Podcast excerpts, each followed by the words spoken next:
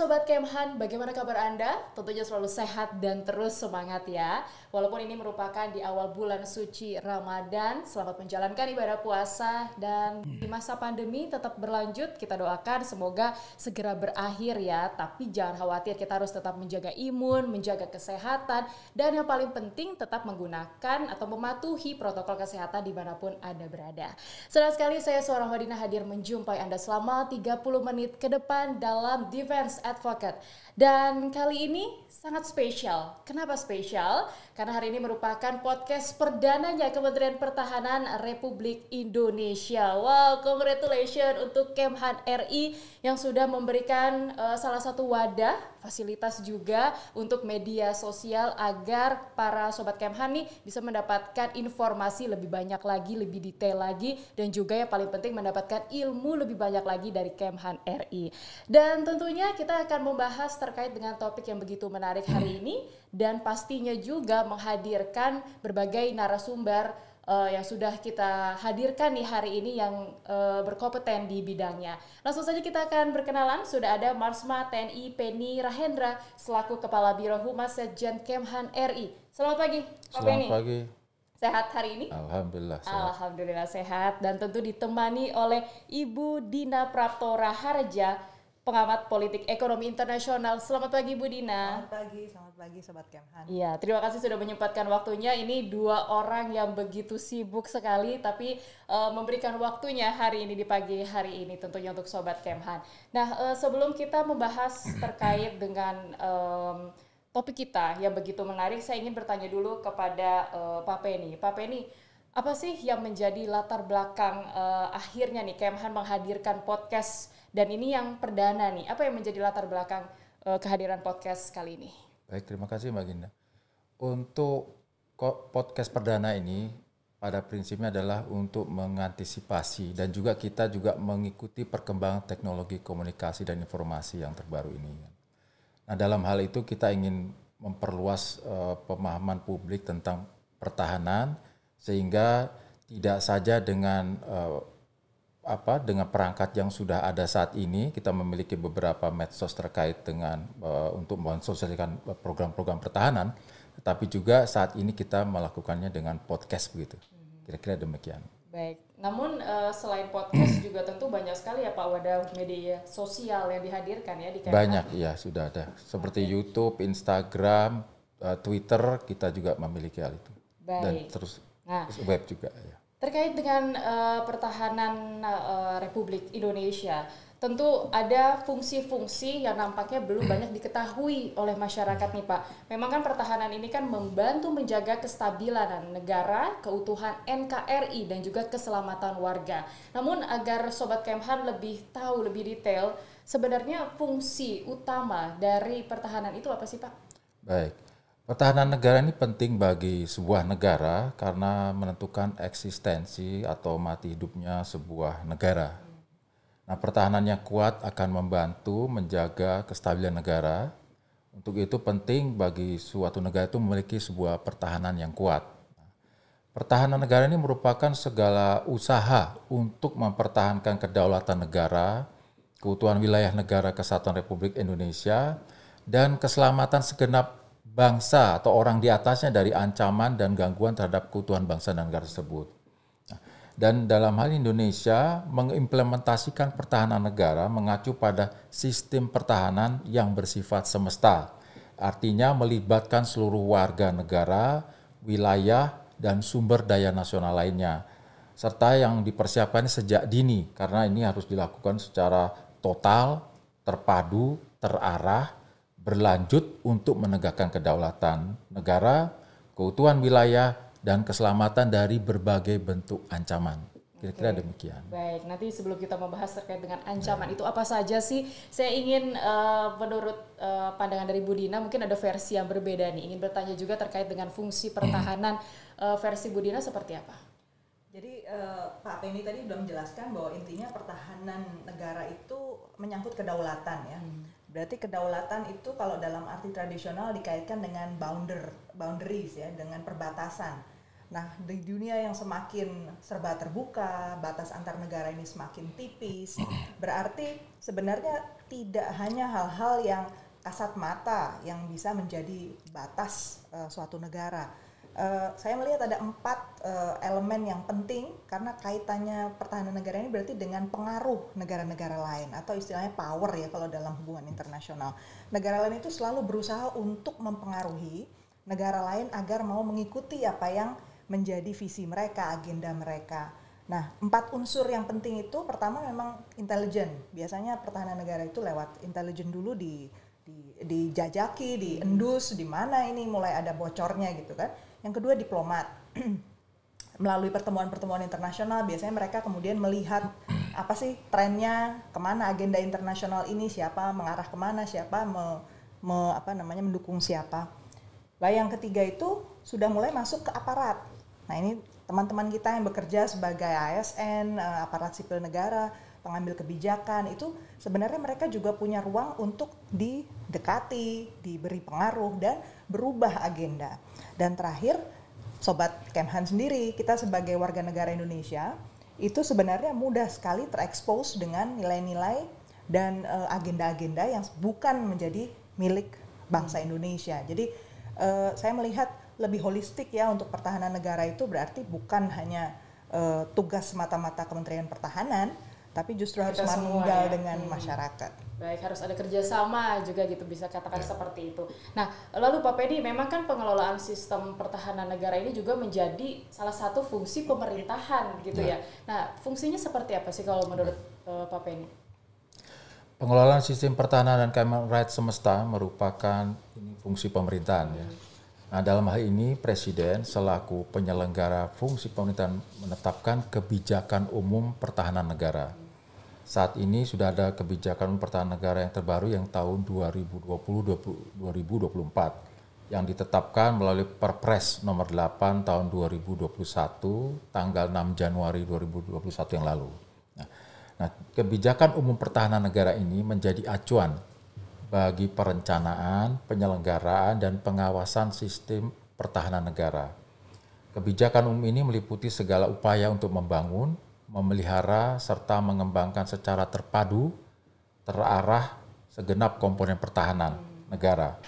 Kebijakan umum pertahanan negara tahun 2020-2024 ini disusun sebagai pedoman bagi Kementerian Pertahanan kementerian atau lembaga dan pemerintah daerah sesuai dengan bidang tugas dan fungsinya masing-masing yang dilaksanakan sesuai dengan ketentuan peraturan perundang-undangan.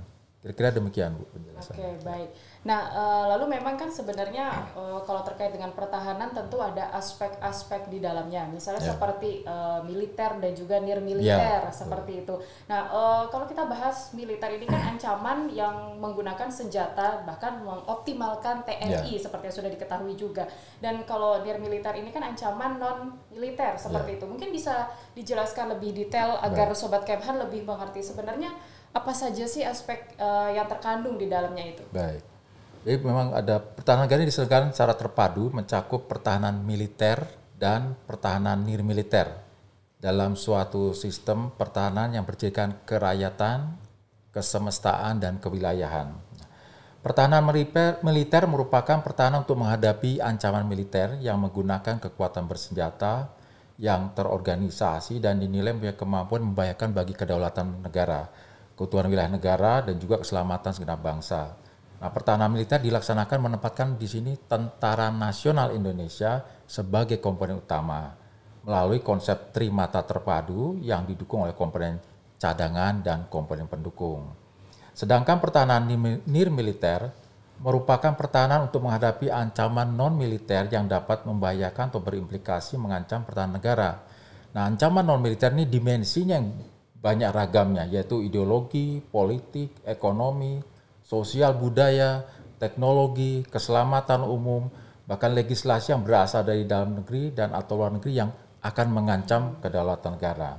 Nah, pertahanan militer untuk menghadapi ancaman militer dilaksanakan dengan menempatkan kementerian, lembaga, dan pemerintah daerah sebagai unsur utama disesuaikan dengan bentuk dan sifat ancaman yang dihadapi, didukung oleh unsur-unsur lain kekuatan bangsa. Nah, sebagai gambaran, kita menghadapi pandemi COVID ini, ini merupakan salah bentuk ancaman yang non militer.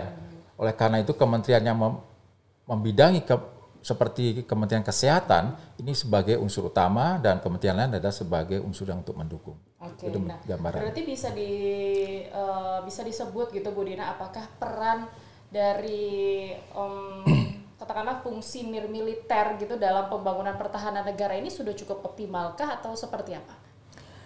Saya kira masih perlu ditingkatkan dan masih bisa ditingkatkan karena ini satu hal yang dinamis ya. ya. Kalau dilihat di perkembangan kawasan maupun di tingkat global, sebenarnya persaingan pengaruh ini justru semakin kuat di tataran nir militer. Ya.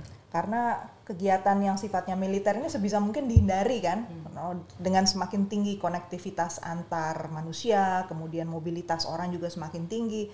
Resiko kalau menggunakan militer itu kan juga, juga jauh lebih mahal gitu ya.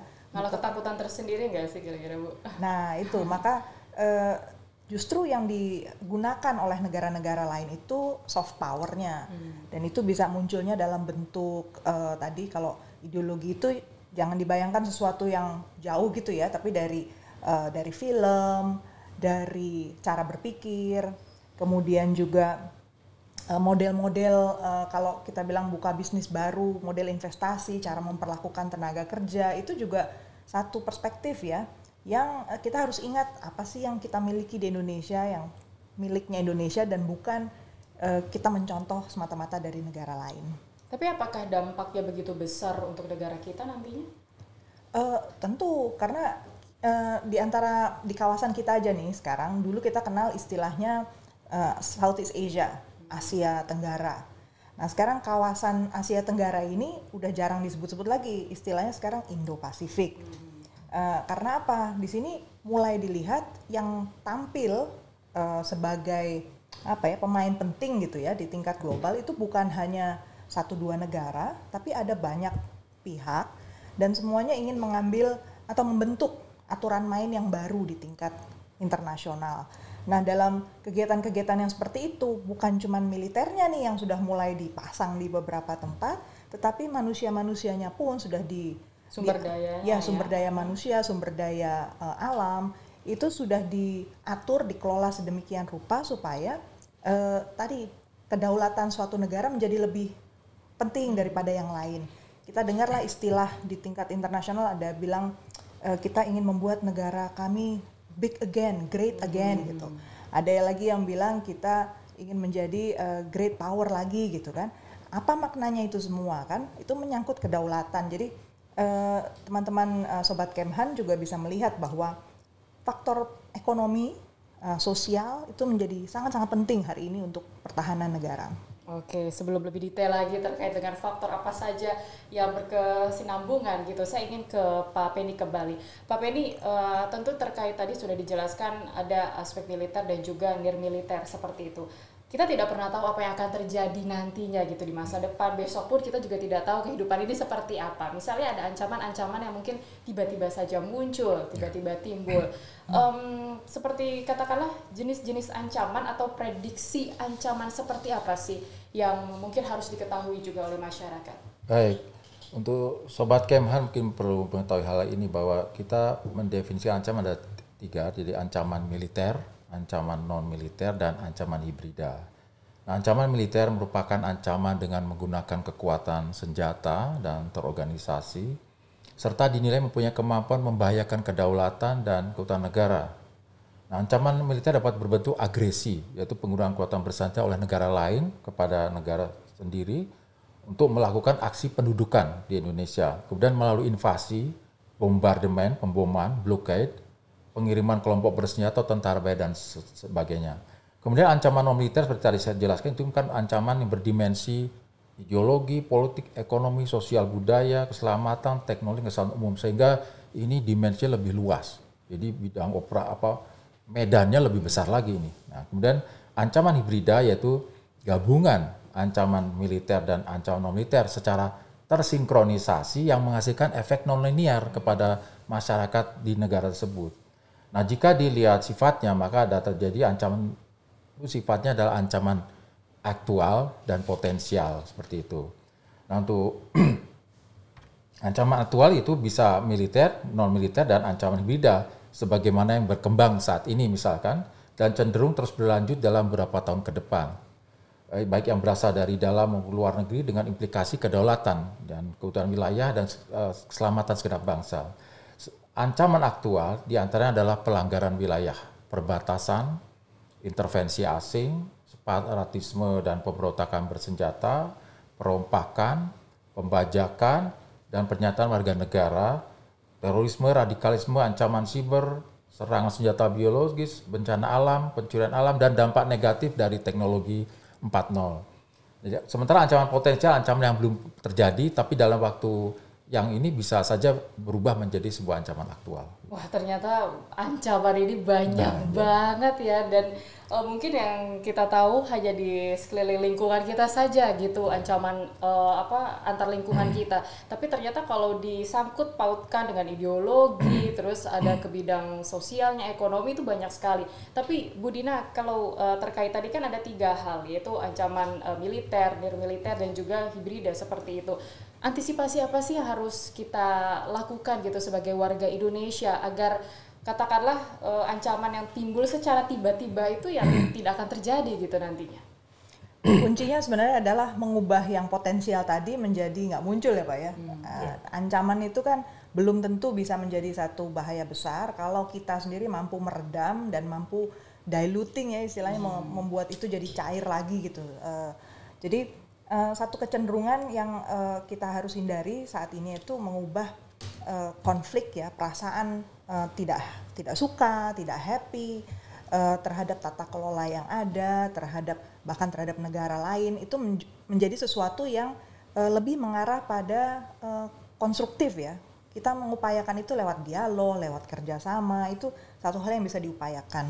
Karena ada kecenderungan sekarang sejumlah negara berpikirnya tuh hanya saya saya saya saya gitu.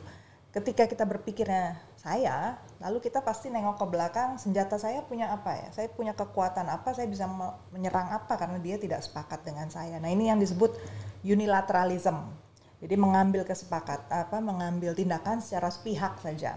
Nah ketika ada satu dua negara yang sudah mulai mengeras di situ mengambil keputusan secara sepihak saja tanpa memikirkan konsekuensinya buat yang lain maka multilateralisme yaitu uh, duduk bersama untuk kemudian membicarakan gimana sih solusinya hmm. kalau ada yang nggak happy terhadap tata konsolidasi lah seperti itu ya. Nah, uh, itu harusnya uh, akhirnya jadi kecil gitu, jadi menjadi menyusut unilateralisme ini yang menjadi dibesar-besarkan. Nah itu yang harus uh, Indonesia ini ada di saya bilang ada di per, uh, persimpangan jalan. Hmm. Persimpangan Kenapa seperti jalan itu, global. Kalau anda lipat dunia jadi empat, mm -hmm. itu persis kita ada di tengah-tengah Okay. Itu yang disebut uh, Indonesia sebagai fulcrum sebenarnya. Jadi kayak poros gitu ya. Dan kita nih satu-satunya negara terbesar maritim. Jadi kalau negara kontinental, negara apa? negara daratan, kedaulatan itu mudah dijaga dengan menjaga daratnya. Sementara kalau laut, kita justru harus berbagi laut itu. Jadi kita pernah dengar istilah ALKI ya, alur laut komunikasi Indonesia atau dalam bahasa Inggris itu Sea Lanes of Communication itu lahir sebagai satu kesepakatan internasional yang juga memberi pengakuan terhadap wilayah teritorial Indonesia. Cuman konsekuensinya salah satunya adalah wilayah Indonesia itu ada sea lanes of communication ada tiga dan ada cabang-cabangnya. Artinya kalau ada sea lane of communication itu international water. Jadi wilayah-wilayah itu negara lain mana pun boleh lewat di wilayah itu tanpa perlu uh, izin, izin lah ya hmm. dari Indonesia. Nah uh, di satu sisi ada kelebihan itu, tapi di sisi lain berarti kalau ada negara lain yang berusaha untuk uh, mengkooptasi wilayah laut bebas itu, konsekuensinya kan negara-negara sekitarnya kan termasuk Indonesia yang persis di persimpangan jalan itu. Jadi teman-teman juga perlu uh, sobat Kemhan perlu menyadari ya betapa strategisnya gitu Indonesia dalam konteks uh, persaingan power antar negara hari ini. Baik, kalau terkait dengan kawasan, tadi kan juga uh, kita katakanlah pembahasan dengan negara lain seperti itu. Tentu kan di beberapa kawasan ini ada rivalitas antara kekuatan besar di berbagai bidang. Apakah uh, dampaknya begitu besar gitu untuk Indonesia juga?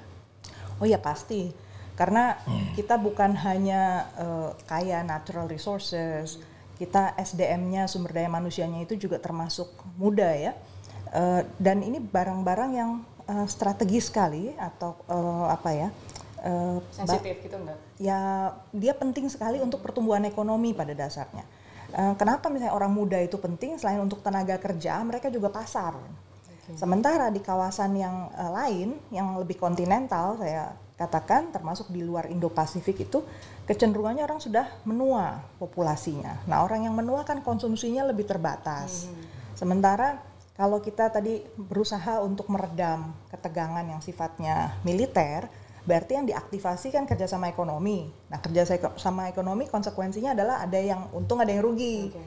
Nah, yang nggak happy terhadap kerjasama itu bisa Mulai juga, nah, hmm. bisa juga muncul menjadi uh, masalah juga untuk pertahanan. Jadi memang dinamis ya kalau kita bicara soal pertahanan itu bukan kemudian tadi urusan Kemhan terus selesai gitu ya. Hmm. Ini justru semakin banyak uh, apa engagement globalisasi, semakin mudah hubungan antar uh, negara itu terbentuk bentuk uh, pertahanan yang dibutuhkan juga beda. Oke, pertahanannya juga beda, tentu ada tantangan yang berbeda juga. Ya. Kalau dari Kemhan sendiri, Pak Pedi, apa sih sebenarnya menjadi tantangan paling besar gitu untuk menghadapi berbagai rivalitas yang ada, khususnya di beberapa kawasan misalnya seperti itu? Ya, uh, kita memiliki strategi yang dikembangkan untuk menghadapi ya, untuk menghadapi ancaman militer asing, Kemhan berupaya untuk membangun kekuatan pertahanan yang esensial dan memiliki efek deterrent. Sebagai Bapak Menteri Pertahanan sering sampaikan bahwa tugas Kementerian Pertahanan adalah membangun kekuatan.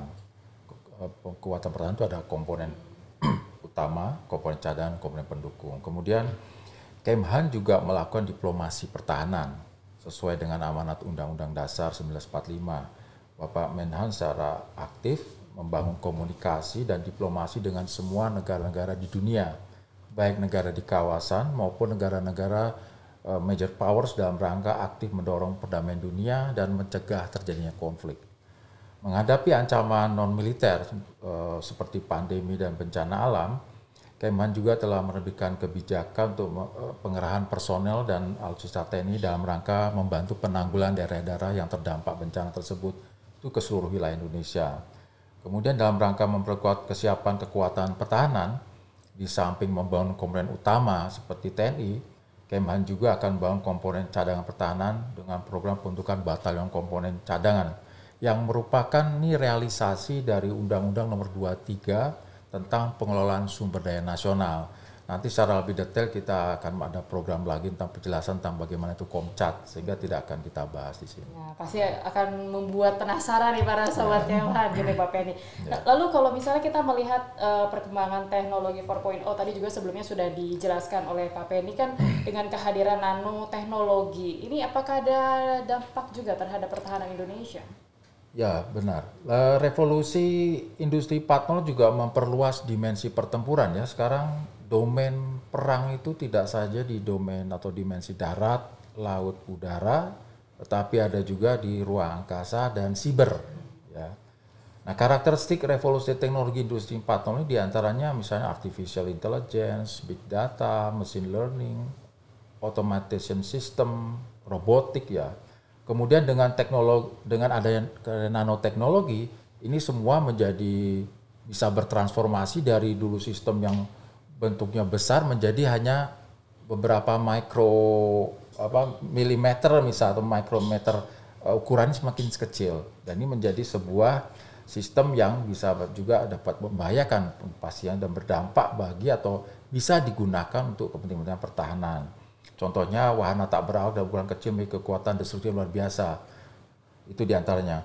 Kemudian revolusi teknologi industri 4.0 juga mendorong penggabungan teknologi ke dalam serangkaian sistem senjata baru misalnya yang inovatif senjata elektromagnetik gun, elektromagnetik atau railgun, ada senjata energi terarah atau yang disebut laser, light amplification by stimulating emission of radiation. Kemudian ada proyektil kecepatan tinggi dengan sampai 5 Mach number ya. 5 kali kecepatan suara bahkan lebih besar dari itu ada rudal uh, hypersonic ya hypersonic tadi saya sampaikan itu lebih besar dari uh, bisa lima kali lebih kecepatan suara lima kali kecepatan suara kemudian teknologi stealth yang dapat me, apa, menutup kemampuan penglihatan musuh terhadap target itu. Ini juga suatu kelebihan perang. Kemudian teknologi industri 4.0 juga berpotensi menjadi ancaman non militer. Di antaranya teknologi itu apabila dimanfaatkan untuk menguasai dimensi-dimensi lain selain dimensi perang yang tadi. Karena ada ideologi, politik, ekonomi yang melalui medan cyber misalnya. Nah sekarang dalam konteks itu paradigma perang modern di masa depan menjadi lain juga. Nah paradigmanya adalah penggabungan dari semua itu yang kita sebut sebagai perang hibrida atau hybrid warfare. Apa itu? Yaitu perang yang melibatkan instrumen militer dan non-militer secara tersinkronisasi dan diarahkan terhadap kerawanan-kerawanan atau kelemahan-kelemahan sehingga menciptakan dampak tertentu kepada musuh Misalnya atau dampak atau target. apa tuh Pak Penny? Ya, kemudian instrumen tersebut digunakan secara bergantian menggunakan berbagai tools terhadap sasaran yang berbeda dan diarahkan dampaknya pada seluruh masyarakat. Ini berarti bahwa medan operasi semakin besar. Jadi kalau seperti apa, ini dampaknya luar biasa. Ancaman non militer yang digabung dengan secara hybrid ini, ini bisa ke mana-mana. Artinya tidak saja di satu wilayah yang terkena, tetapi seluruh masyarakat, walaupun tidak sifatnya destruktif, tetapi dalam jangka panjang itu mengganggu efeknya ke mana-mana, ke mana-mana, gitu ya. mengganggu kedaulatan negara tadi. Baik. Ini yang harus kita antisipasi. Baik. Em, tentu terkait dengan eh, alutsista misalnya seperti itu ya Bu Dina. Eh, pertahanan negara ini kan mahal. Itu sudah kayaknya sudah melekat sekali gitu di pertahanan Indonesia. Mahal karena memang terkait dengan pengadaan alutsista itu sendiri yang digunakan juga seperti modern, canggih. Apalagi kalau kita bersaing gitu dengan negara lainnya. Tentu kan hal ini mempertentangkan antara eh, pertahanan dan juga ekonomi. Bagaimana pandangan Bu Dina sendiri? Jadi kalau kita bicara uh, soal pertahanan, kembali lekat sekali dengan istilah kedaulatan. Yang disebut daulat itu artinya uh, negara lain pun mempercayai bahwa suatu negara itu mampu untuk menjaga integritas wilayahnya, menguasai juga uh, orang-orangnya, uh, dan uh, ada enforcement ya, ada penegakan di sana yang itu diakui oleh masyarakatnya, ada legitimasi di situ. Jadi kalau kita bicara soal pertahanan kemudian sebatas dipertentangkan antara ada senjata atau untuk prioritas yang lain itu jadi eh, apa ya jadi kita keluar dari esensinya tadi. Karena eh, sejumlah negara kalau dilihat tadi medannya kan sudah berubah ya eh, sebisa mungkin negara berusaha menghindar sebenarnya dari penggunaan senjata. Tapi senjata itu diinvestasi dikembangkan bahkan dibuat lebih makin canggih itu untuk salah satunya kalau bahasa saya bahasa awam show off lah ya. Mereka juga berusaha menunjukkan ke- kemampuan teknologinya kecanggihan masyarakatnya untuk bisa menciptakan teknologi yang eh, sebenarnya semakin ingin untuk eh, less destruction ya tetapi eh, juga mampu melumpuhkan gitu. Jadi eh, berarti dari sisi itu eh, selain masalah pembelian senjata kita juga harus investasi pada teknologi science gitu. Jadi eh, kalau kita bicara ekonomi jangan cuma dibayangkan kita bicara pertumbuhan ekonomi belanja ekspor impor ya. Tapi juga masalah kita bisa nggak memproduksi barang-barang eh, dan juga eh, knowledge ya pengetahuan yang membuat negara lain gentar terhadap Indonesia. Dan itu nggak harus hanya semata-mata produk eh, pertahanan. Idealnya produk pertahanan itu juga bisa kita ciptakan sendiri bisa kita bangun sendiri kecanggihan itu. Tapi sisi lain juga sains yang lain. Masa depan konflik dunia itu soal energi, kemudian soal pangan, soal air.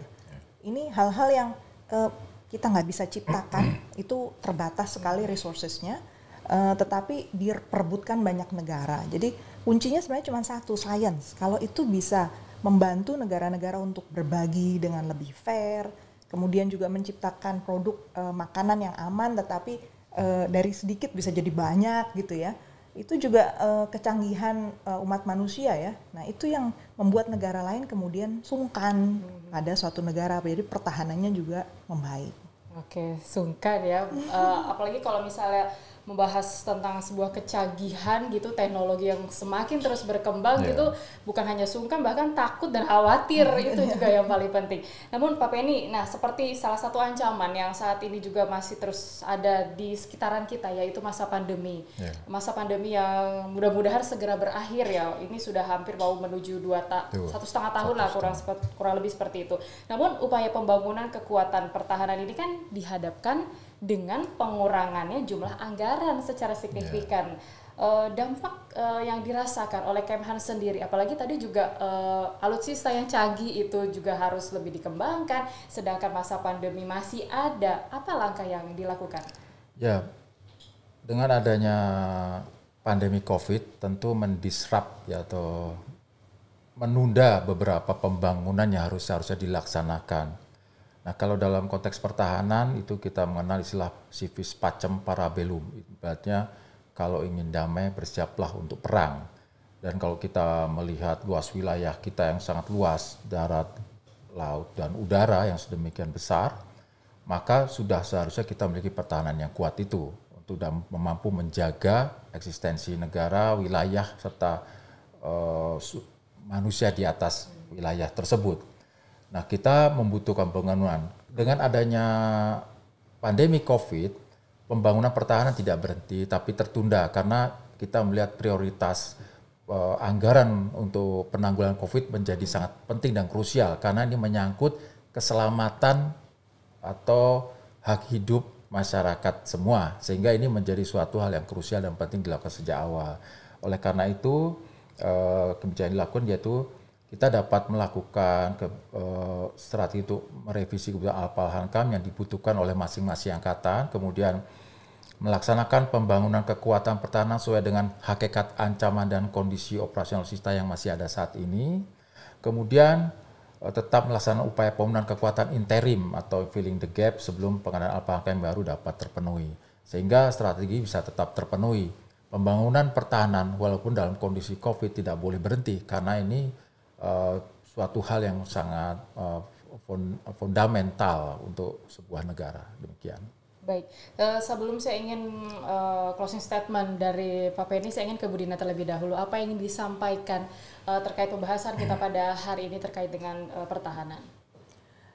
Eh, hari ini kita bicara pertahanan dalam konteks di mana seluruh dunia sedang menghadapi pandemi ya. Ini satu hal yang eh, tidak ada satupun negara yang siap, bahkan mereka yang kaya sekalipun atau yang senjatanya paling lengkap sekalipun. Artinya eh, dunia ini menyimpan eh, potensi eh, ancaman yang eh, kita sendiri belum tentu bisa memprediksi dan bisa menghadapi dengan tepat gitu ya, dengan cepat.